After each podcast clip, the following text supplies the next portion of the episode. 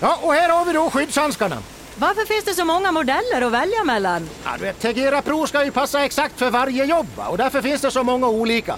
Och glöm inte att rätt skyddshandske gör halva jobbet. Okej, då tar jag två. Tegera Pro, skyddshandskar för yrkesproffs. Just nu får du extra hjälp att välja i butik. Måndag, det betyder poddags. Sanny och Svensson är tillbaka med avsnittsnummer. Ja, nummer Mattias Weinhandel och då förknippar jag honom med nummer 13. Jag vet att han burit andra nummer också. En annan som också burit nummer 13 är ju Leksands legendaren som skrev nytt kontrakt i förra veckan, Jon Knuts. Ja, han, han jobbar hårt. Det, det kan man aldrig säga något annat om, eh, herr Knuts. En annan som också jobbar hårt, det är Oskar Sund. Han är nummer 13 med HV-fansen. Eh, en gedigen och bra spelare, har varit där många år nu. Ingen tröja i taket-spelare kanske, men han, han har många fina år i, i HV71. Kan man lugnt säga. En annan eh, gammal backklippa i Huddinge, som jag också hade som coach i Timrå, Per Nygårds. Du känner igen namnet? Jajamän, absolut. Det är klart ja, han, spelade, han var back, han var hård, han var stenhård och sköt hårt också. Ja, ingen riktig back som jag vill dra av här med nummer 13, men en som man tänker att, vad är det där för en importspelare? Köisti Karjalainen, men det är alltså en svensk spelare som, jag tror han hann med fem SHL-klubbar under sin karriär och bland annat var han med i Djurgårdens eh, guldlag eh, när de tog eh, guld 2001 och sen har han varit i Luleå, Modo och Brynäs har han varit också. Ursprungligen från Gävle eh, tror jag, men han, han hade uppåt 400 SHL-matcher tror jag. En bortglömd spelare som inte många vet så mycket om. En som inte är bortglömd, det är den största kanske en av de absolut största spelarna vi har haft i svensk hockey. Vissa hävdar att det är den största. Nummer 13, Mats Sundin. Sundin It is Tucker dropping it. Sundin shooting it. And Sundin is up there. Two goals on the night.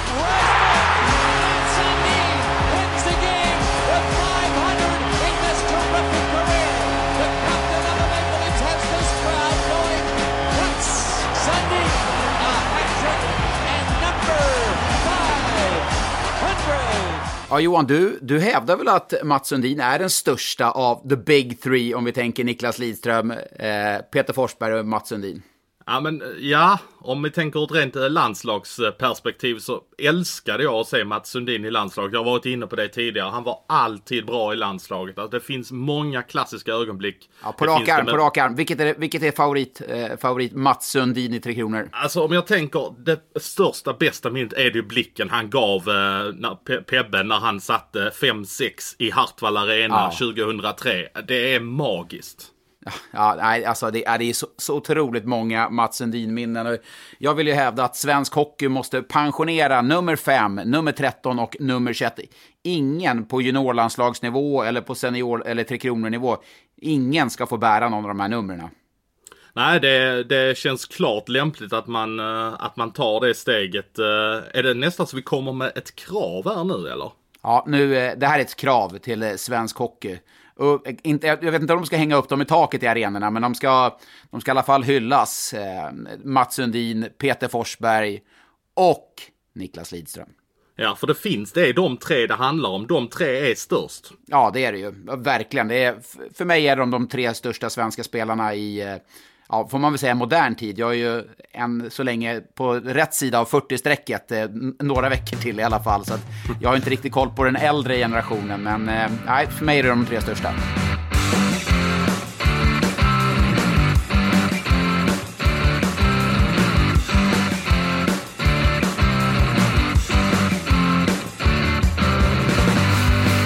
Ja, men sicken vecka vi har haft. Derbyvecka får vi kalla den ändå. Det har ju varit Växjö mot HV. Det har varit Oskarshamn mot eh, Växjö. Det har varit Rögle mot Malmö. Ja, och är det derby? Det vet vi inte riktigt. Men de vill väl kanske hävda det i alla fall i Frölunda. Frölunda-Färjestad. Men Johan, var har du varit i veckan? Ja, men jag var ju naturligtvis på eh, derbyt i Skåne. Eller rivalmöte kanske vissa kallar det. Men det är, för mig är det ett derby. Det är inom samma landskap och det är två bittra rivaler som har haft sina duster genom åren. Och Rögle mot eh, Malmö, det är heta känslor och det blir bäst när de matcherna spelas i Ängelholm. Jag antar att du också upplevt det på båda arenorna och håller med mig om det. Ja, verkligen. Nej, men det var, alltså, eh, det är nog, det är nog visst i Ängelholm. Det blir så kompakt, det blir sån tryck, det blir sån atmosfär.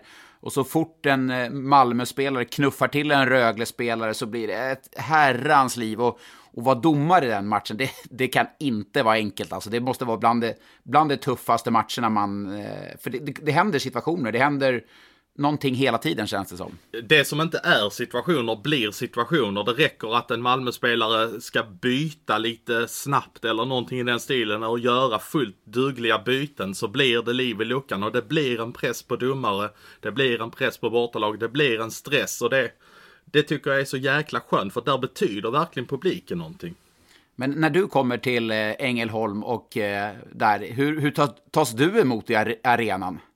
Jag tycker att jag blir behandlad med jäkla respekt i den eh, arenan. Eh, där är så många man känner igen. Man, jag menar, man har ju gått på hockey i Ängelholm i så många år och alla ideella som har varit där alla år. Det är det som är med, med Rögle känner man att det är liksom en, en bygd som andas hockey. De som har varit där har varit där i alla år. och ja, de, de ideella är säkert folk som har jobbat i 20-25 år som har varit med hela den här resan och sådär. Så att det är så mycket som andas hockey kring där så jag tycker att det är ett jäkla bra ställe att komma till och de som arbetar där.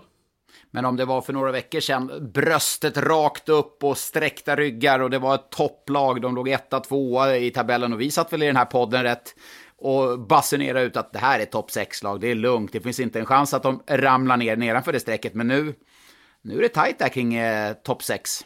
Ja, men jag skulle, nu ska vi vara ärliga och säga att det, det, har ju sin förklaring i skadorna som ändå har drabbat. Det är ju helt fel spelare som har blivit skadade i Rögle under säsongen.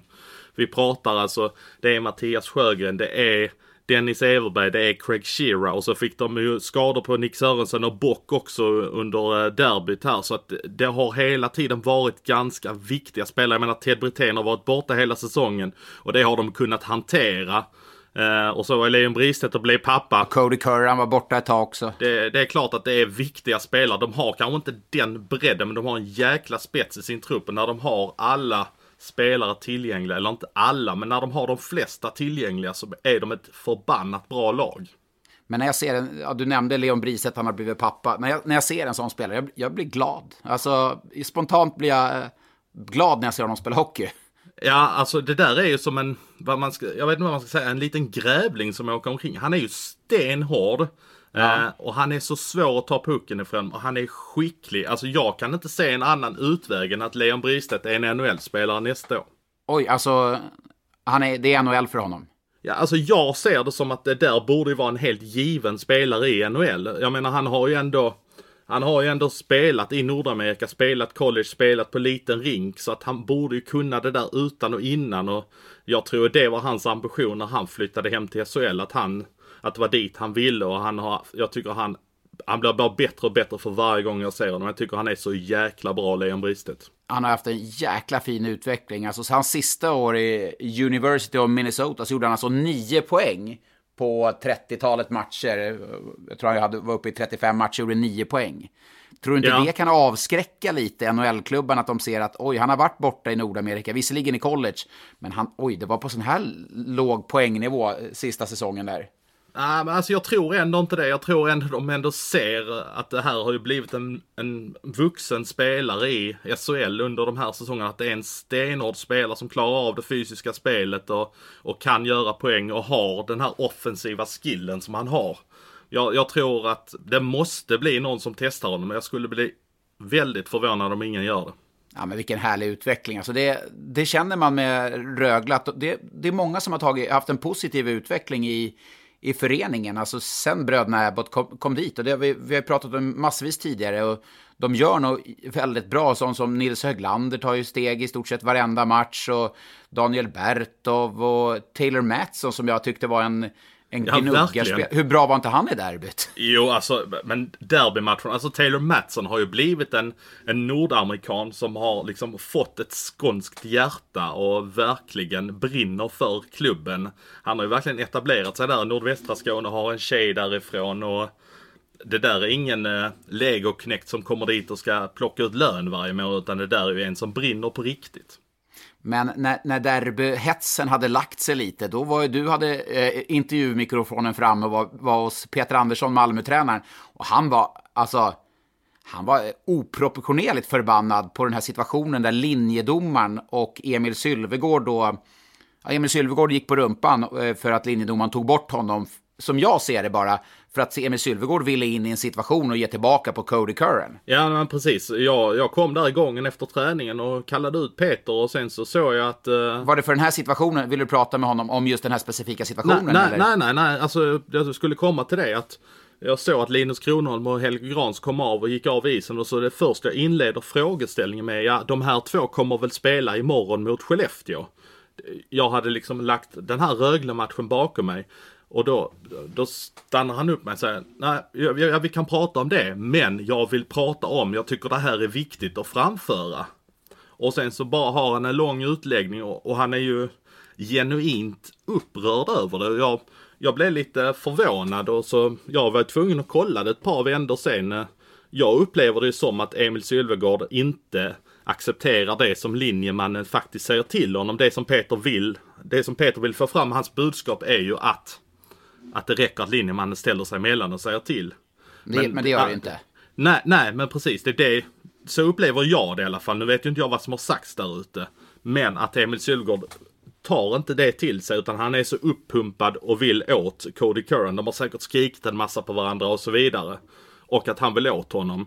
Och då, eh, då tar han sig förbi Ludvig Lundgren, då linjedomaren. Och eh, då tar han i ett sista desperat tag om Emil Sylvegårds tröja och då blir det nacksving. som att han sving... Ja men precis, det blir som att han svingar omkring honom. Peter Andersson sa ju att det var ett nacksving. Jag, jag ser det inte riktigt som ett nattsving, eh, nacksving, men det är väl kanske en petitess i det hela. Kan det inte ha varit så att den här linjedomaren Lundgren faktiskt räddade Sylvegård från att vara, fortsätta spela derbyt?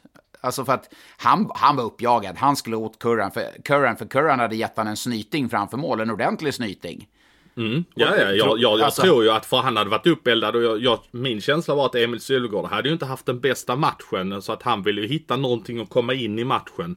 Så att, eh, så jag, jag tror ju helt klart att det där hade kunnat bli en dust och då hade det kunnat vara färdigspelat. Ja, jag tycker det var helt oproportionerligt att Peter Andersson gick och... Det, han känns som han äggar upp sig själv i de här lägena. Man har sett det förut med Peter. Han är ju väldigt engagerad, på, ofta på ett härligt sätt. Men i det här fallet kändes det som bara han äggade upp sig själv mer och mer, mer och mer. Till slut behövde han ställa ja, några frågor. Och, och, och, det, och känslan var också att när inte han fick det riktiga gensvaret från mig när jag började ställa lite motfrågor, då blev han bara ännu argare liksom. Bara, oh blev helt galen alltså. Men, nej, men jag, jag håller med dig om att det är härligt när han, när han brinner så jäkla mycket. Men alltså, det är ju väldigt enögt ibland och, och det ska det vara. Han står sitt lag närmst, så det är inga konstigheter. Men han har väl blivit en derbyprofil tror jag va? För att jag menar, ja, ja, Rögle-fansen ja, måste ju verkligen. reta upp sig in i bänken mycket på honom. Det tror jag alldeles säkert och det är ju precis, alltså han har ju gått och eh, gjort sig lite lite ovän med rätt många motståndarsupportrar här tror jag genom de här åren under Malmötiden. Alltså, ta inte upp hans namn i Göteborg till exempel. Nej, han och Roger Rönnberg, de firar nog inte midsommar tillsammans genom åren. Det, det, känns som att det är... Ja, äh, på tal om Roger Rönnberg så eh, vi bollar vidare till eh, ett eh, annat derby. Det är ju inte ett derby, men vi säger det med lite glimten i ögat. För Frölunda sa ju att derbymatcherna möttes tidigare här i september-oktober. Men vilken härlig match det var. Alltså det här eh, derbyt i all ära, Rögle mot Malmö, toppenmatch. Men den här matchen, alltså wow. Två lag som spelar jättebra hockey. Det var en hyllning av eh, Peter Nordström innan matchen. Och där måste jag ge beröm. Alltså, Johan Sundström, eh, Frölunda-spelaren, fick frågan i periodpausen. Hur var det att behöva sitta och vänta? Ah, det var jättestort att få vara här. Roger Rönnberg sa samma sak. Ah, det var kul att få se Peter Nordströms hyllning. Det är en av de största i svensk hockey. Frölunda-fansen som man skulle kunna tänka sig kanske skulle kunna, du vet, rivalmöte Färjestad, bua lite. De klappade med och liksom stämde i den här hyllningskören. Det var respekt från alla Frölunda och Färjestad-supportrar, Det var, och spelare och ledare. Det var, det var faktiskt underbart att se. Ja, men det, det, det, det är väl faktiskt det minsta man kan begära kring de här hyllningarna. Och det, det har man ju sett genom åren att det har varit lite spridda. Att det är någon som har tröttnat på att eh, vänta om det är en motståndarsupporter och lite så. Skellefteå skickar väl fram någon marknadschef på någon hyllning Frölunda hade här för ett par år sedan. Att, att det där kan man väl ändå bjuda på när man är ett bortalag. Det handlar ju trots allt om en spelare som har gjort så starkt intryck under så pass många år. Eh, Vi minns ju Nordström i Jönssonligan bland annat. Ja, då gick det snabbt. Då, då var det bara att hålla i sig när man, när man mötte dem. De Men, men, men helt ärligt. Om de hade spelat i dagens hockey, hur snabbt eh, hade de spelat idag? Om du för, eftersom det gick undan när de spelade liksom och eh, att de var så skickliga. Hur hade de stått sig i dagens hockey? Nej, de hade varit fort, fortsatt dominanta. De var så smarta. De, de liksom tänkte hockey ett steg före alla andra. Det var de, egentligen Peter Nordström och Jörgen Jönsson som utvecklade dagens boxplayspel, hur man pressar. Det var ju liksom, innan de började göra det var det inget lag som gjorde det. De, alltså de tänkte, och prata med Peter Nordström, eh, han, är, han kallas ju professorn av en anledning. Han tänker ju hockey som ingen annan. Och, och allt från skridskoslipning till klubbor till, eh, till spelsystem. Så att han är ju en hockeynörd i, i en positiv bemärkelse, alltså ut i fingerspetsarna. Och sen hade de ju en riktig målskytt också på andra sidan. Pelle Prästberg. Ja, han var, han var vass. Ja, men vilken match det var. Alltså, härligt. Du vet, känslor mellan lagen. Eh, bra spel, böljade fram och tillbaka. Fullsatt i Löfbergs arena. Det här är matcher man vill bara se. Ja, ge mig en kvartsfinal, semifinal eller final. Jag struntar i vilket. Men låt de här lagen få mötas på samma sätt som man vill att Rögle och Malmö ska mötas i en, i en slutspelsomgång. Det hade varit... Gud vad härligt det hade varit. Ja, och matchen den vann ju Färjestad eh, till slut här och, och det måste man säga att det var starkt av Färjestad att, eh, att eh, plocka ner Frölunda efter den mentala smällen som de ändå fick i Göteborg där i Champions Hockey League åttondelsfinalen. Och det var ju en mental spel. Gånger två de tappat jätteöverläge och så var det den här Torparok-gate som ändå skedde där. Så att de, eh, det var starkt av Färjestad. Men eh, på presskonferensen efter, vanligtvis de här presskonferenserna, de man somnar ju. Men nu, nu hettar det till ordentligt.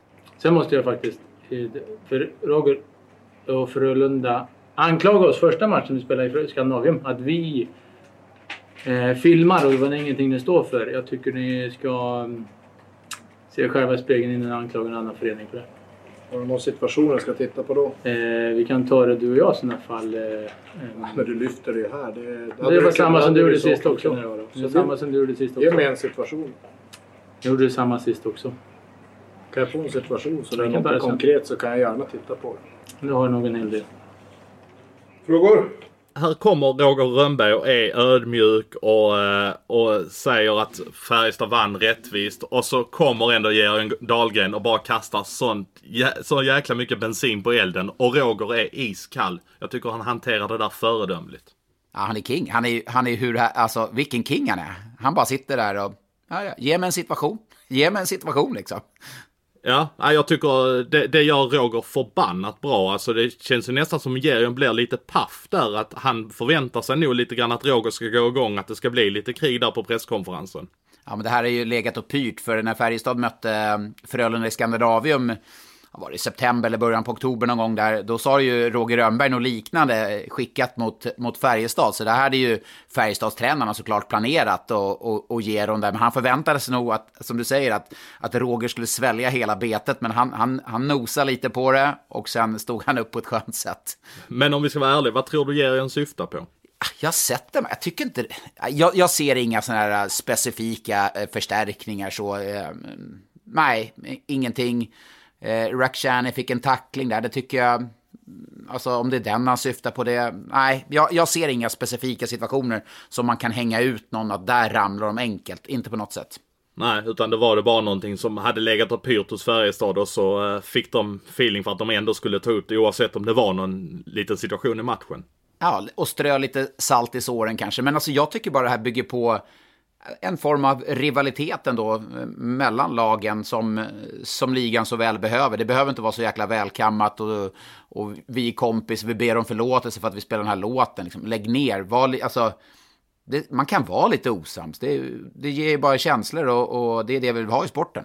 Ja, nej men jag håller med om det. Men jag, jag förstår samtidigt hur förbannade Färjestad-fansen är. Men det är ju roligt att de gjorde det, så är det bara. En annan rivalitet som ändå på kort tid har byggts upp i SHL, det får man ändå säga, Oskarshamn mot Växjö, med tanke på att båda lagen ligger i botten på tabellen. Vi hade den första matchen där Brennan Shinnimin eh, tacklade Oskar Nilsson som fortsatt är satt ur spel. Så att det var ju, jag var där i Oskarshamn i, i lördags och det var Ja, det, var, det var rätt hetsk stämning måste jag säga. Så fort Brennan Shinnimin hade pucken på uppvärmningen, då buade de. Det var Chicken Shinnimin samma, under ma hela matchen. De var på Shinnimin rätt mycket där, eh, Oskarshamn, Oskarshamns-fansen. Eh, och det är väl också en skön eh, passning från deras sida att de står upp för Oskar Nilsson, Oskar Nilsson måste jag säga. Ja, men det här har ändå, det känns ändå som att det här är någonting som har pyrt mellan de här lagen redan på tiden när Växjö gick upp i Hockeyallsvenskan och tog sig om Oskarshamn så snabbt och så gick de in och stal Jocke Fagervall som tränare från Oskarshamn. Han hade ett par säsonger i klubben. Så det här är inte bara en rivalitet som har funnits nu i SHL utan det här är, någon, är någonting som har funnits sedan tidigare känns det som har blossat upp igen. Det är precis som det har funnits någon glöd ändå och det blev ju verkligen inte sämre av det som hände i, i höstas, även om det var jättetråkigt. Ja, och eh, inför matchen hade ju faktiskt Oskarshamn i händelse av en seger kunnat gått om Växjö. Alltså tänk dig bara det efter 22-23 omgångar att Oskarshamn hade kunnat ligga före Växjö i tabellen. Det hade ju varit, ja, det hade ju, det är helt osannolikt egentligen. Ja, då hade de eh, fått ganska stora skallar, eh, supportrarna i Oskarshamn. Det hade de ju kunnat leva på väldigt länge. Men du, jag var på spaning där. Kommer du ihåg jag lovade förra veckan? Ja, det var väl Simon Depré. Har du lärt dig uttala hans namn? Ja, eh, Simon Depré. Depré, är det ja. Depré? Så det är jag ja. som sitter här och är lite uppnosig och så är det inte jag som kan uttala ja, det. Det finns ett eh, klipp på sociala medier där eh, min kollega Lars Lindberg har spelat in eh, de olika, olika spelare som har lite vanskliga namn. Där lyssnade vi innan matchen i lördags, jag och Lena Sundqvist, just hur han uttalade sitt namn. Så att eh, Depry är det, ska det vara det rätta. Men eh, är det någon eh, som eh, eh, tycker att vi säger fel så får ni gärna skicka mail. Du förresten! Förresten! Jag har fått ett argt mail. Har du fått ett argt mail? Ja. Oj, det hör inte till vanligheterna att du får arga mail. Du brukar vara förskonad från dem. Ja, jag, jag, har läst och hört många kollegor säga att de får arga mejl. Och jag, jag, jag, får ju aldrig arga mejl, men nu när vi har dragit igång podden, visst, det damp in ett argt mejl förra veckan. Ja, men vad var det de, den här personen var arg på? Du behöver inte hänga ut personen nu, men vad var, vad var, vad var ilskan? Olle Lycksell eh, hade jag ju sagt att han kanske skulle få se sig om eh, efter en, ja det var ett fynd för någon annan klubb. Och den här personen i fråga, han tyckte inte alls att det var min uppgift att säga där och, och så jag vet, kanske inte var så argt egentligen, men jag, jag tycker det är argt mejl. Jag vill ja, ha du, du har, du har lite eftersträvat de där arga mejlen. Jag, jag får vill, inte dem jätteofta, men eh, jag har faktiskt vi... fått dem. Men det var lite, eh, du fick det här nu. Man vill in och gegga lite i det där såret och trycka till lite där och få ett argt mejl och få någon reaktion.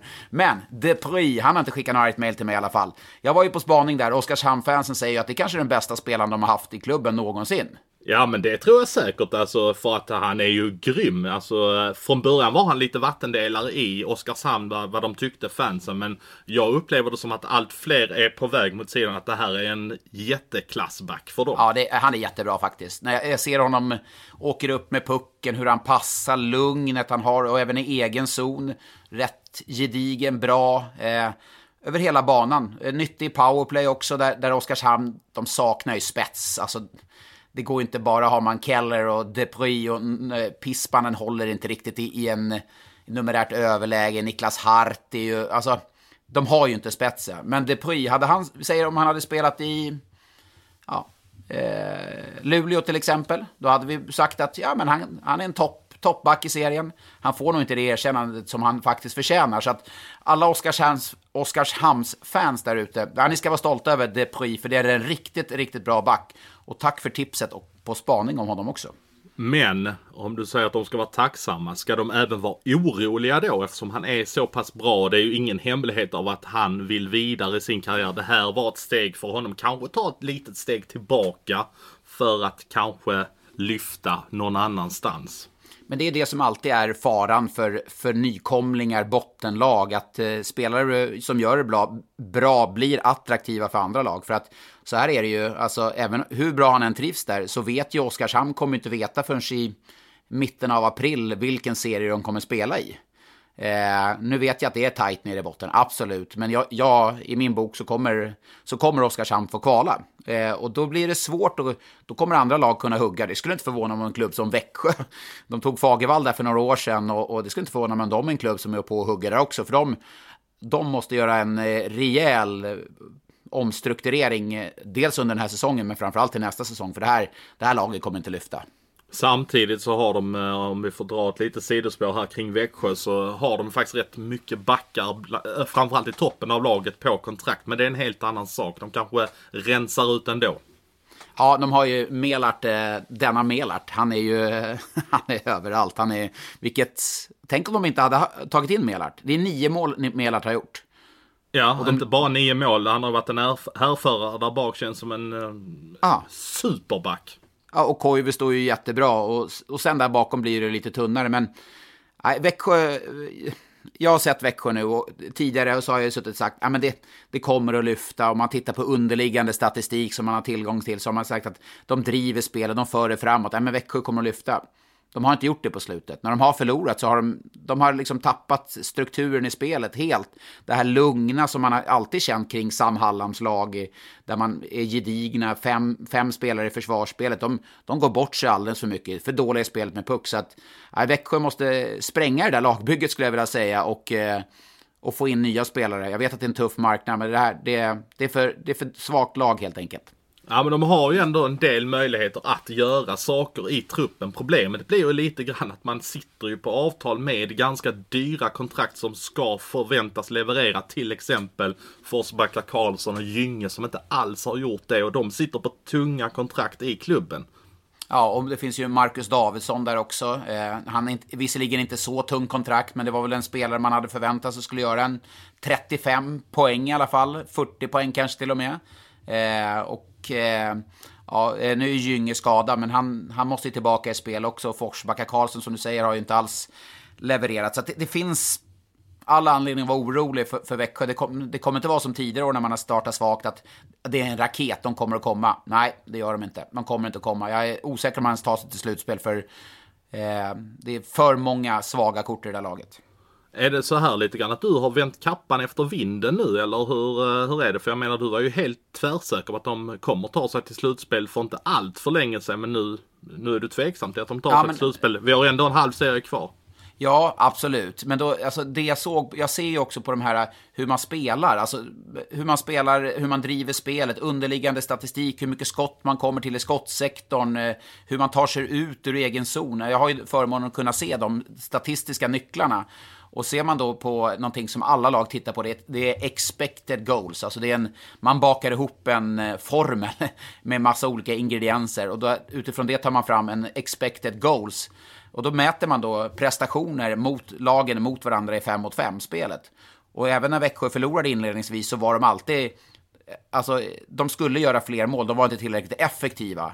Men det är de inte längre. De är inte tillräckligt, de skapar inte tillräckligt farliga chanser. De släpper till för farliga chanser. Så att, det här är, det är ett eh, fuskbygge eh, för Växjös sida, det måste jag säga. Och så har vi senaste supervärvningen. Jag hånar det redan innan han hinner spela. Casey Bailey, fem poäng i Slovan Bratislava förra säsongen. Det är ju inte direkt någon poängmaskin de har plockat in om vi säger så.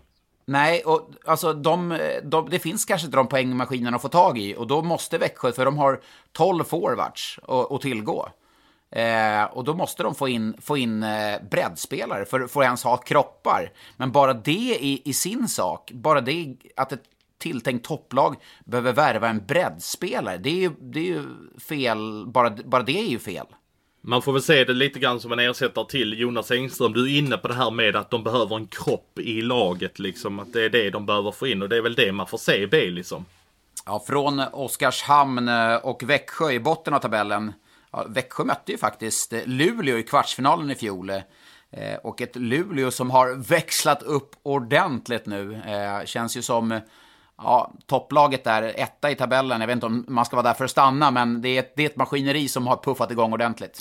Ja, och de, till skillnad från till exempel då Rögle, så har ju de faktiskt klarat av eh, att hantera skador på toppspelare för att de på förhand byggde ett lag där de hade många forwards att tillgå. Så de har inte drabbats av någon panik på något sätt eller blivit sargade för. Ja, de har tagit in Daniel Widing för de behövde kanske någon bredd.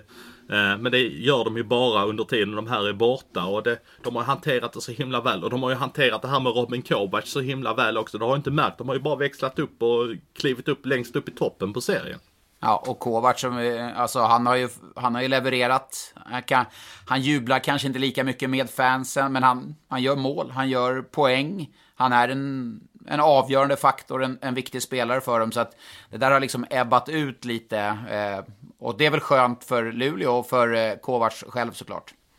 Och så, eh, de klarar ju faktiskt av att vända ett underläge här mot Örebro eh, också på hemmaplan. Så Örebro som faktiskt ledde serien när de kom till Luleå. Och då tänkte man, oh shit, kanske eh, Örebro är ju så här bra, de är inne i flowet. Men de klarar alltså av att vända mot Örebro. Då har det ju varit Örebros grej så här i inledningen av säsongen, att det är de som vänder matcher. Och då lyckas Luleå vända en match mot Örebro. Och det är ett styrkebesked när de är i det flowet Örebro är i.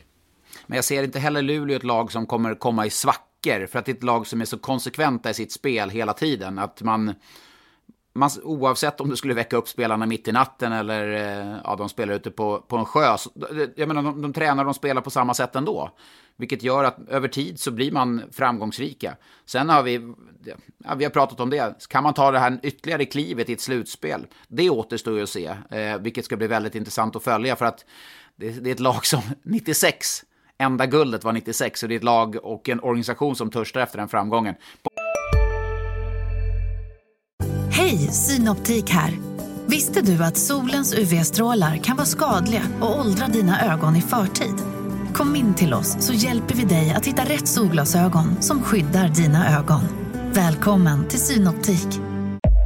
Upptäck hyllade XPeng G9 och P7 hos Bilia. Våra produktspecialister hjälper dig att hitta rätt modell för just dig. Boka din provkörning på bilia.se xpeng redan idag. Välkommen till Bilia, din specialist på X-peng. Här sidan ska vi säga. Ja precis, de har varit väldigt framgångsrika på damsidan. Är inte det lika eh, mycket längre? Du var ju faktiskt och så Luleå Hockey dam här i Linköping i förra veckan. Kan du bara dra lite snabbt hur det var att se dem? Jag, jag, såg inte vad jag kommenterade den matchen och det är det, väldigt roligt att kommentera damhockey faktiskt. Nummer ett, så tjejerna är ju väldigt glada att eh, dels att de får synas på tv, ställa upp på intervjuer, öppna, tränare är väldigt glada när man ringer och liksom gör sin research inför matcherna. Jätteöppna och glada och positiva och berättar om spelare, hur de tränar. De vill, liksom, de vill marknadsföra sina organisationer och sina klubbar. Eh, så det var skitkul och eh, jag kan lyfta fram en blivande expert faktiskt, om man får, får göra det. Det finns ju ingen damexpert eh, på, på Simor eller Viasat. Men SVT har ju Maria Roth där som, som är duktig. Just det. Men Madeleine Östling som är tränare för Linköping. Kom ihåg vad du hörde det först. Ja, så hon, ja, hon kanske, när hon ja. lägger det på hyllan så Ja, hon har ju kanske en ambition att vara, vara, tränare länge, men den dagen hon slutar så, skulle, så kan hon kliva in som expert. Verbal, duktig, har, har en skön, bra syn på hockey också, eh, som jag gillar. Så att eh, där har vi ett namn. Men det är kanske den dagen jag ska fasas ut så får Madeleine Östling ta min plats kanske. Ja, jag kommer ihåg var jag hörde det först, men eh, du har ju faktiskt pratat om ett lag i Hockeyallsvenskan eh, också och där har du pratat mycket om var du hörde det först. Du är väldigt glad för att säga det och påpeka ja, och tala om dig själv. Men där har du pratat mycket om BIK Skoga och Jesper Kokkonen bland annat. Och det var ju en jättebomb i helgen att de slog Modo med 7-0 på hemmaplan. Ja. ja. Helt otroligt. Att det kan få bli sådana siffror i en toppmatch, det är ju nästan lite slutspel över det att man inte har någonting att förlora så att säga. Ja, och eh, Karlskoga som ändå har liksom haft lite problem just mot topplagen eh, tidigare, bara går ut och städar av eh, Modo, alltså, och powerplay är de ju jättegiftiga. Modo hade ett eh, 5 och 3-spel i första perioden, när man bara tyckte alldeles för lågt pucktempo. Det kändes inte någon strukturerat och Tambellini som vi har hyllat så mycket stod och såsade med pucken. Så att, och efter det så, ja men då tog de över mer och mer och de är ju effektiva. Det, det är det som är eh, rent chans, alltså farliga chanser så är ju Modo kanske till och med övertag, men de är effektiva och har ju en offensiva spetsen Karlskoga som, som Alltså är de har, de, har, de har ju ett par målskyttar, alltså det är inte lite mål de här gubbarna gör. Alltså vi pratar Tor Immo och Filip Ahl har gjort hur många mål som helst. Fredrik Forsberg har gjort jättemånga mål. De har ju flera olika hot som kan leverera mål. Ja, och framförallt i powerplay, där är de ju jättegiftiga. Och eh, man, man, Immo där, han ser ju inte mycket ut för han står, liksom, kan stå ganska still i sin position, men är duktig på att hitta skottlägen och passningar. Och Fredrik Forsberg har ju kanske en av eh, Hockeyallsvenskans allra snabbaste eh, handledsskott. Det är ju, det bara susar till. Eh, eh så att det, ja, det, är, det är ett gediget och bra lag och det känns ju som att Karlskoga där, ska man, hur ska man agera framöver? Ska man leta lite spets för att liksom, ja man är ändå toppen av tabellen. Ska man, ska man plocka in någonting och gå för det? Men, men det har väl aldrig varit riktigt BIK Karlskogas grej att göra det. Deras grej har väl varit att de har haft ett bygge från start lite grann och kört på det hela vägen in i kaklet. Visst, Ja, de men- har ju aldrig gått hela vägen så de kanske borde titta och göra någonting sånt. Ja, men det måste ju vara attraktivt nu att kunna plocka in, plocka in någon spelare här i eh, eh, slutskedet januari någon gång och, och, och liksom spetsa till laget. För det borde ju finnas ja, men, se spelare i SHL som kanske hamnar lite i kläm, eh, som, som skulle kunna göra det bra i Karlskoga. Och hade jag varit en SHL-ledare, eh, alltså en eh, sportchef i SHL, så hade jag gärna satt mina spelare i Karlskoga. För vi har ju sett vad de har gjort med flertalet eh, unga spelare genom året som har tagit stegen. Så att eh, det känns som de har, är i en väldigt bra position nu Karlskoga. Eh, Och det är ju faktiskt inte bara offensiven vi behöver prata om när det gäller BIK Karlskoga. De har ju faktiskt en målvakt som förmodligen inte många visste. Jag vet knappt hur man uttalar namnet. Tim Joel. Som kom Ja. alltså från Östersund Östersund. inför, inför säsongen. Han höll ju sin första nolla här i, eh, i Karlskoga-tröjan mot Modo. Och det är jättemånga som pratar varmt om honom, att de har hittat ett fynd. Och det är Thomas Fröberg som har varit jättevass på att hitta fynden i Hockeyettan. Han är ju inte kvar längre nu. Men han, han, har, han, har gjort, han har verkligen gjort jobbet där.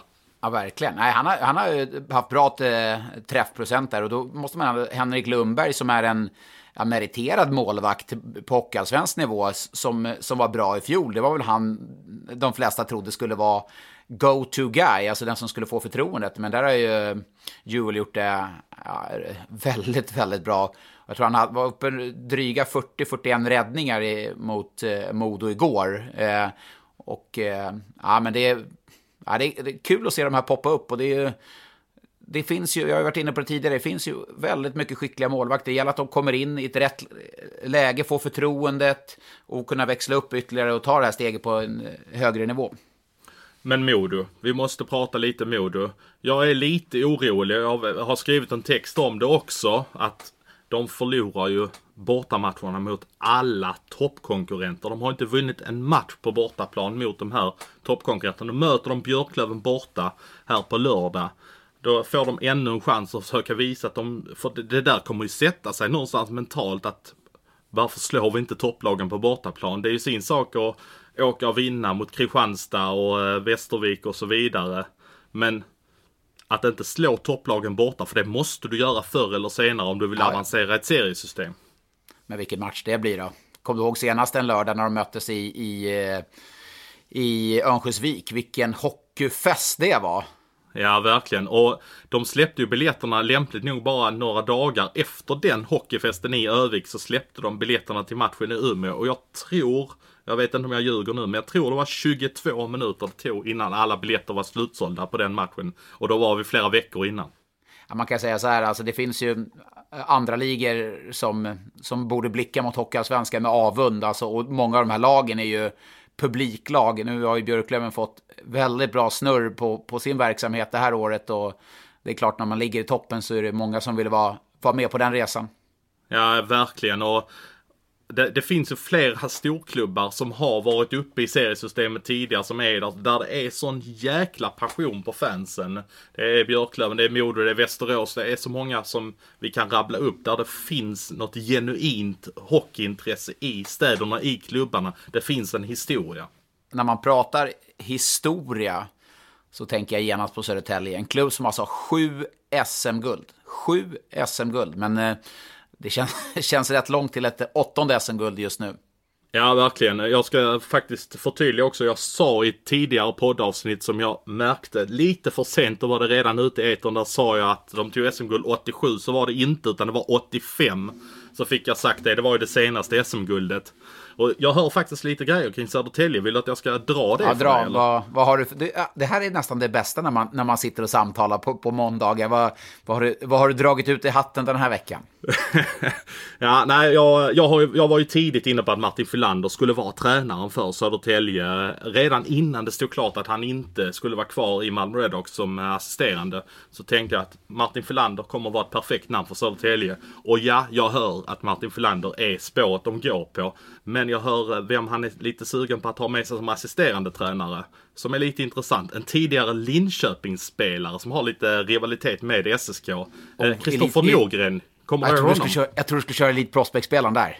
Jaha, okej. Nej, nej, det får vi vänta med. Det får vi vänta Ja. med. Kristoffer Norgren alltså. Ja, exakt. De känner varandra från Örebro, va? Ja, men precis. Eh, Norgren spelar väl i Örebro en fyra, fem säsonger när Filander också var där. Och de har väl haft lite connection när Norgren också var i Arboga och, eh, och har haft lite med dem att göra. Filander var ju inne i Arboga och lånade lite spelare här eh, förra säsongen också. Eh, Kristoffer Norgren har jag mött åtskilliga gånger. var en jobbig rackare. Han hade inte...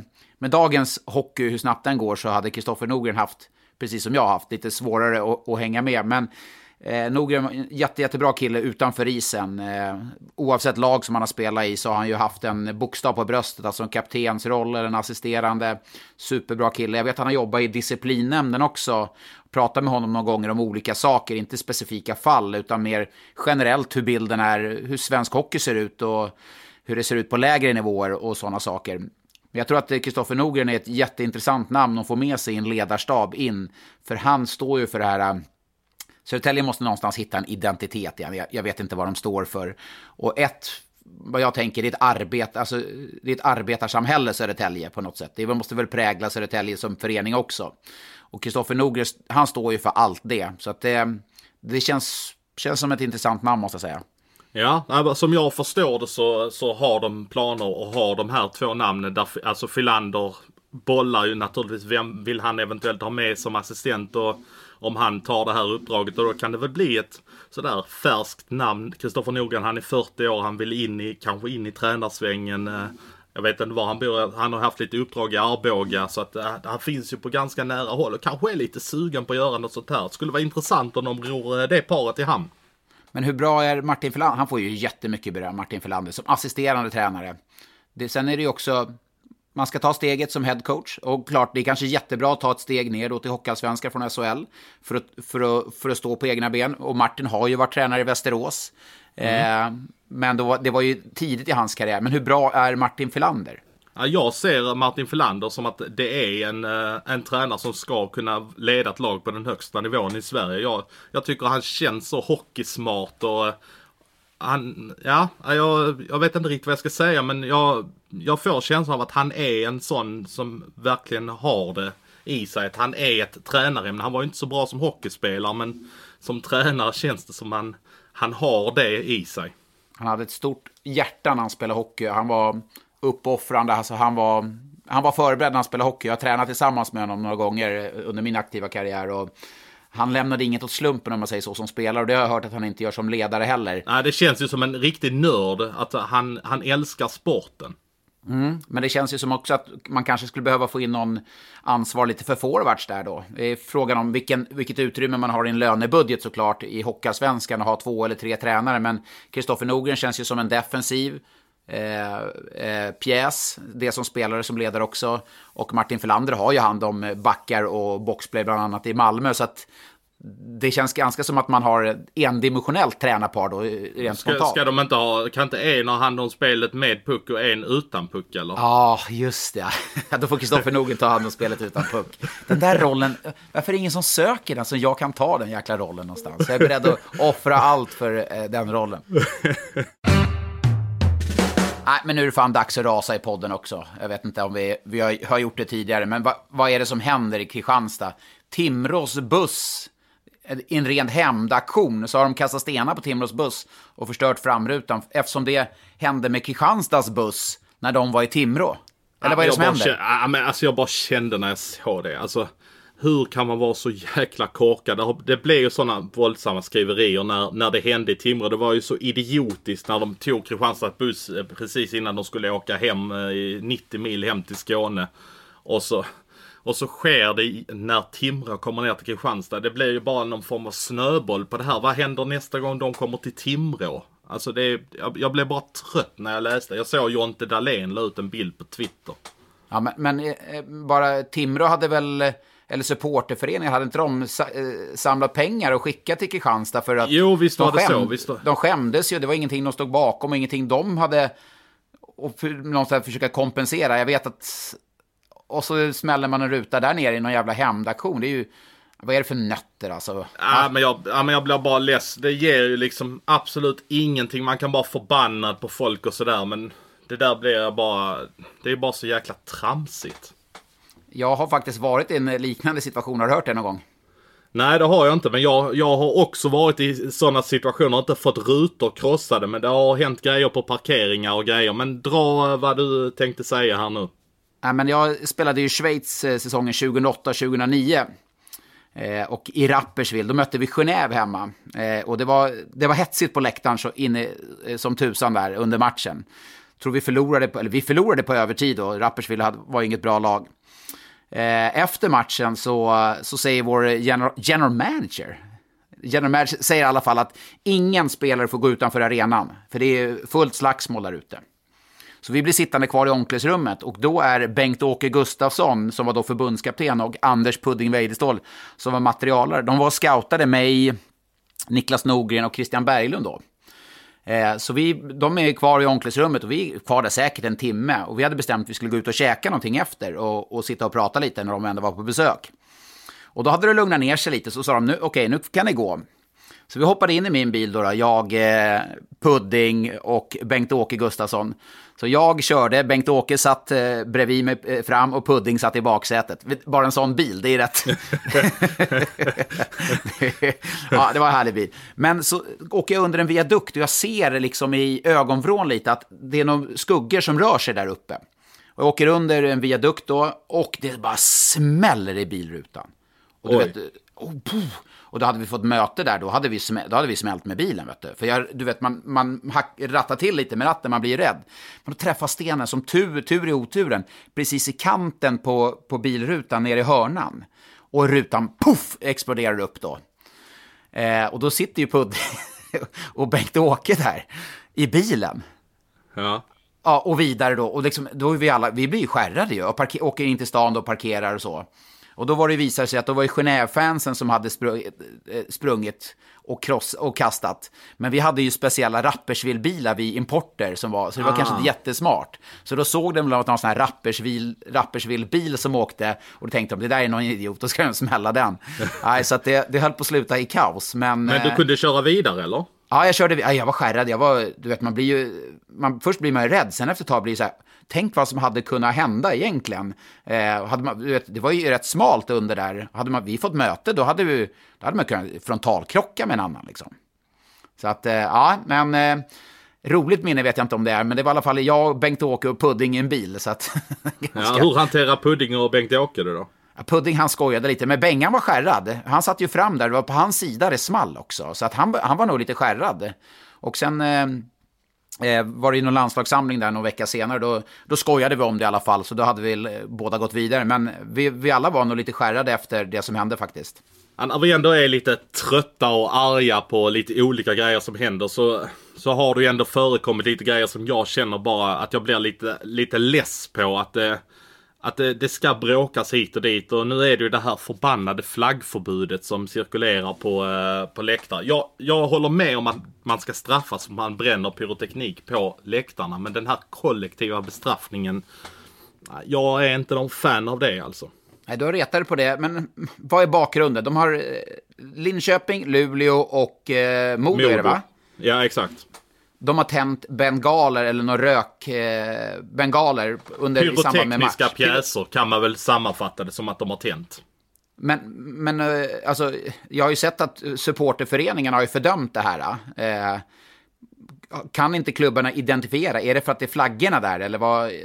Ja men alltså jag tror det grundar sig i eh, när man ofta när det är sådana här pyrotekniska pjäser då vill man ju givetvis inte stå för det. Och det finns ju säkert kameraövervakning på läktarna och så vidare. Och då är det ju att man kan dölja sig bakom tvåpinsflaggor som är två pinnar du håller upp ett budskap på, eh, på flaggan och då täcker man liksom in den som kanske är skyldig och då, då är det flera stycken om det och man skyddar och man hänger inte ut någon för att det är coolt och sådär och så har det alltid varit. Man, man vill ju inte vara en tjallare. Eh, och eh, ja, då väljer de eh, helt enkelt att eh, straffa genom att eh, det blir inga flaggor och jag, jag tror det grundar sig i att, eh, att flaggorna anses kunna skydda från pyrotekniska pjäser men Ja, ja det, Men har jag, de jag gillar rent inte det. juridiskt? Finns det, finns det stöd för det rent juridiskt? Alltså om jag, om jag hårdrar det? Ja, ja, det tror jag. För att eh, det är ju trots allt arrangören som bestämmer vad som får lov att tas in på olika hallar. Rent juridiskt så tror jag att, att du till och med får neka folk i dörren som du inte vill ha in på ditt evenemang. Eh, så att eh, juridiskt tror inte jag det är några problem. Nu, nu ska inte jag svära, jag är ingen juridikexpert, men så, så tror jag att det är. Ja, jag, jag, jag är bara hopplöst less på det här. Det var samma sak i fjol, Luleå. De var i samband med att de vann eh, SDHL-guldet där, eller det var några som sprang in på isen och då ska det böta. Ah, herregud, lägg ner liksom. Det, Ja, jag, ja, jag såg att Färjestad var tvungna att ansöka om dispens för att kasta in såna här puckar på isen i, i eh, första eller andra periodpausen för att det är föremål som kastas in. Ibland blir den här byråkratin blir ju liksom hopplös. Ja, jag, jag brukar luta mig mot det sunda förnuftet ibland. Eh, och det, det tror jag fl- fler ska göra. Ja, samtidigt så har jag ju inget svar för att jag menar det, det är ju faktiskt ett problem att det, att det eldas och fansen eldar på varandra också. Oh, snyggt, snyggt. Där fick jag ju till det lite. Men de eldar ju faktiskt på varandra också. Det blir lite, det blir lite trendigt att gör den ena så ska den andra överträffa och så vidare. Och eh, jag vet själv hur det var. Det gick en sån här bengal eh, våg kan man väl säga någonstans i runt 2004, 2005, 2006 på det gamla klassiska supporterforumet Hockeyläktaren där jag bland annat hängde på den tiden. Och där satt man ju och ja, man, man eldar på varandra så att säga. Men du, handen på hjärtat. Du har stått på ståplats. Har du tänt pyroteknik någon gång? Jag har aldrig tänt pyroteknik men jag har varit definitivt delaktig och eh, varit med och skyddat och inte tjallat så att säga. Som alltid, väldigt, väldigt kul när det dyker in frågor. Eh, det är många till antalet. Vi ska försöka ta upp några här. Eh, Johan, eh, som heter Labbe80, frågar Tror du, och vi riktar oss till dig då Johan, att Djurgården jobbar på typ Jan Norman till nästa år? Eller kanske en stockholmare i, i form av Leon Bristedt? Nu har ju du sagt att Leon Bristedt ska till eh, NHL, men en sån som Jan Norman som spelar i KL och Jokerit då, är det någonting Djurgården är ute och hugger på eller har du något annat?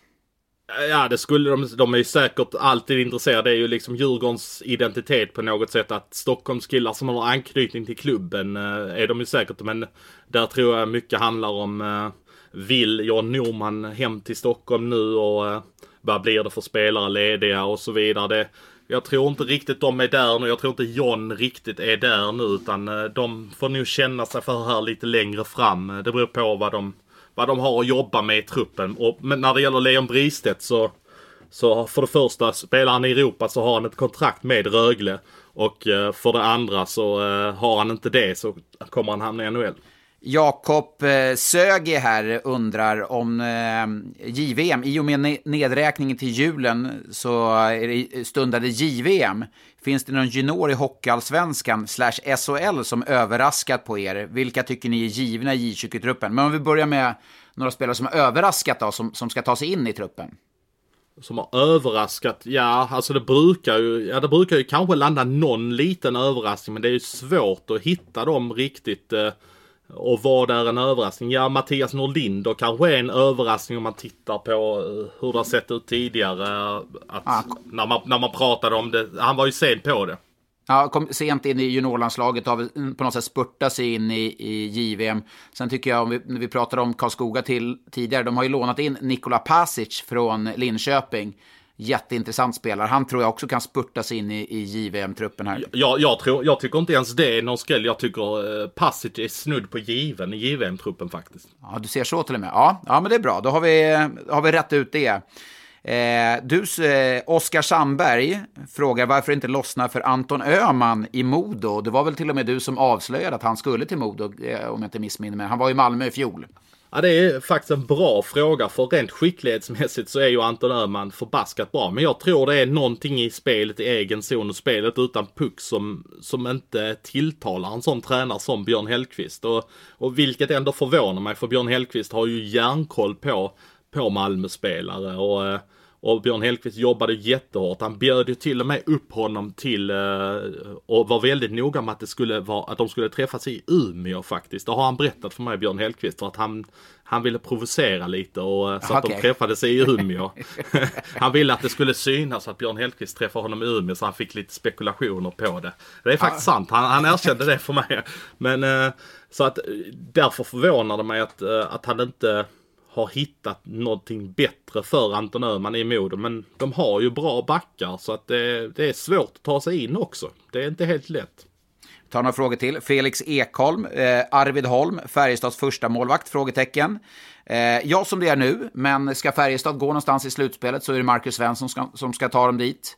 Arvid Holm är en, har gjort det bra efter förutsättningarna och eh, tillfället så så har han tagit första eh, målvaktsspaden från Marcus Svensson. Men det är inte hållbart över tid. Det är Marcus Svensson som ska vara första målvakten och inte Arvid Holm. Även om jag förstår att eh, de tycker det är kul att ta hit en ung målvakt och utveckla, kanske till och med roligare att spela honom, eller roligare, kanske mer fördelaktigt att utveckla honom än just Marcus Svensson. Men ska Färjestad ta sig långt i slutspel och vinna guld så är Marcus Svensson de ska luta sig mot. Eh, Mar eh, M. Hammerstedt här frågar, är det okej okay att bua ut sitt lag om man gör en väldigt dålig insats i någon period? Och då syftar eh, M. Hammarstedt här på matchen mellan Växjö och HV71 i torsdags, där, där Växjö blev utbuade efter 0-4 i första perioden. Är det rätt? Det är väl helt rätt, eller?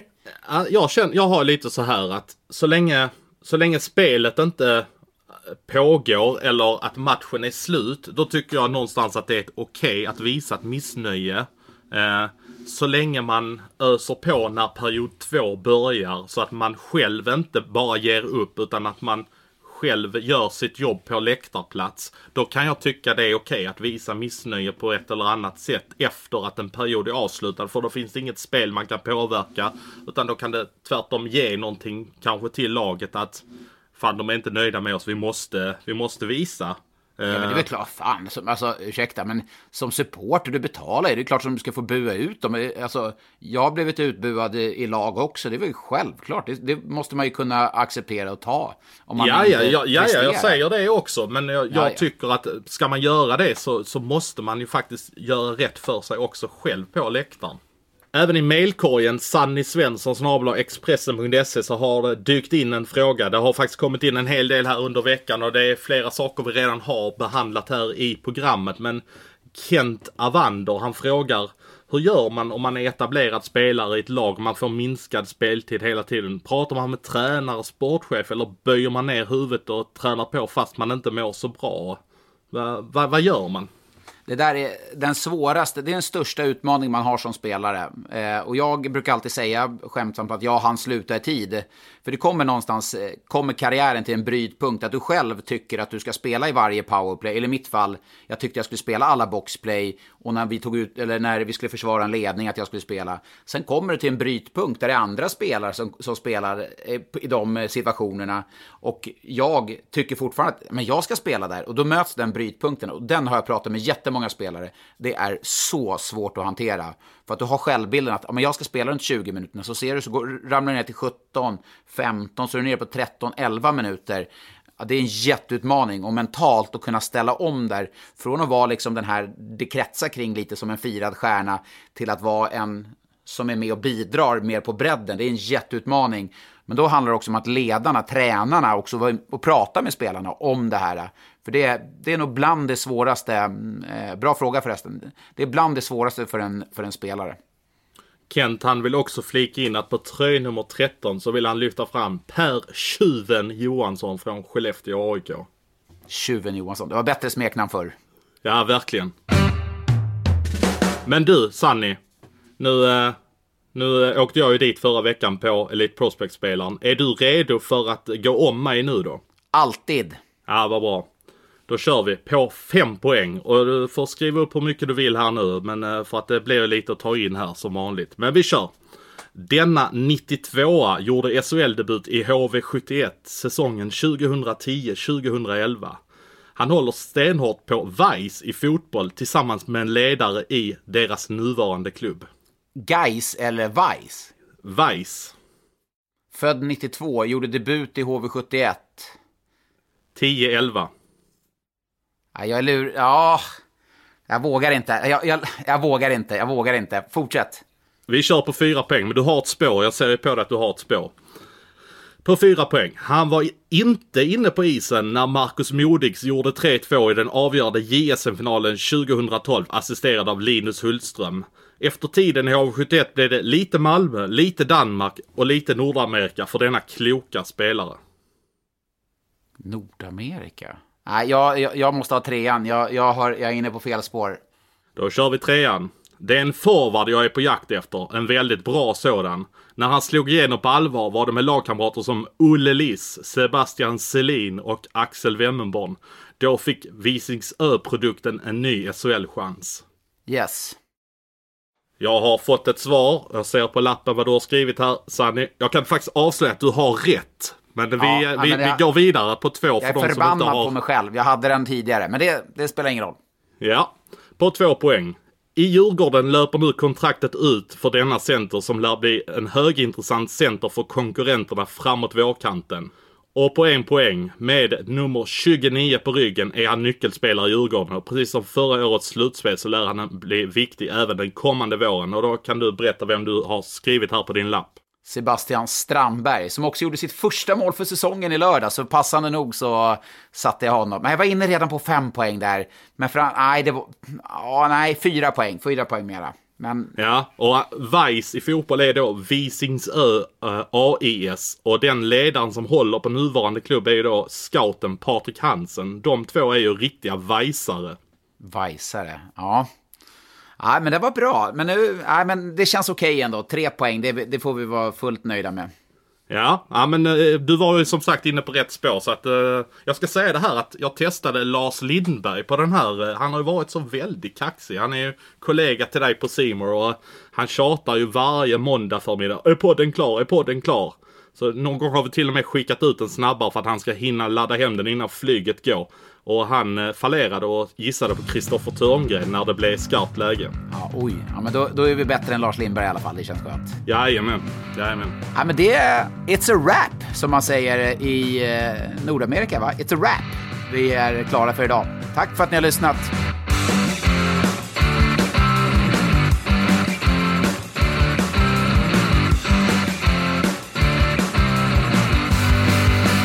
Du har lyssnat på en podcast från Expressen. Ansvarig utgivare är Klas Granström. På Sveriges största jackpot-kasino går hypermiljonen på högvarv. Från Malmö i söder till Kiruna i norr har hypermiljonen genererat över 130 miljoner exklusivt till våra spelare. Välkommen in till Sveriges största jackpot-kasino, hyper.com. 18 plus, regler och villkor gäller. Just nu pågår vår stora season sale med fantastiska priser på möbler och inredning. Passa på att fynda till hemmets alla rum, inne som ute, senast den 6 maj. Gör dig redo för sommar. Välkommen till Mio.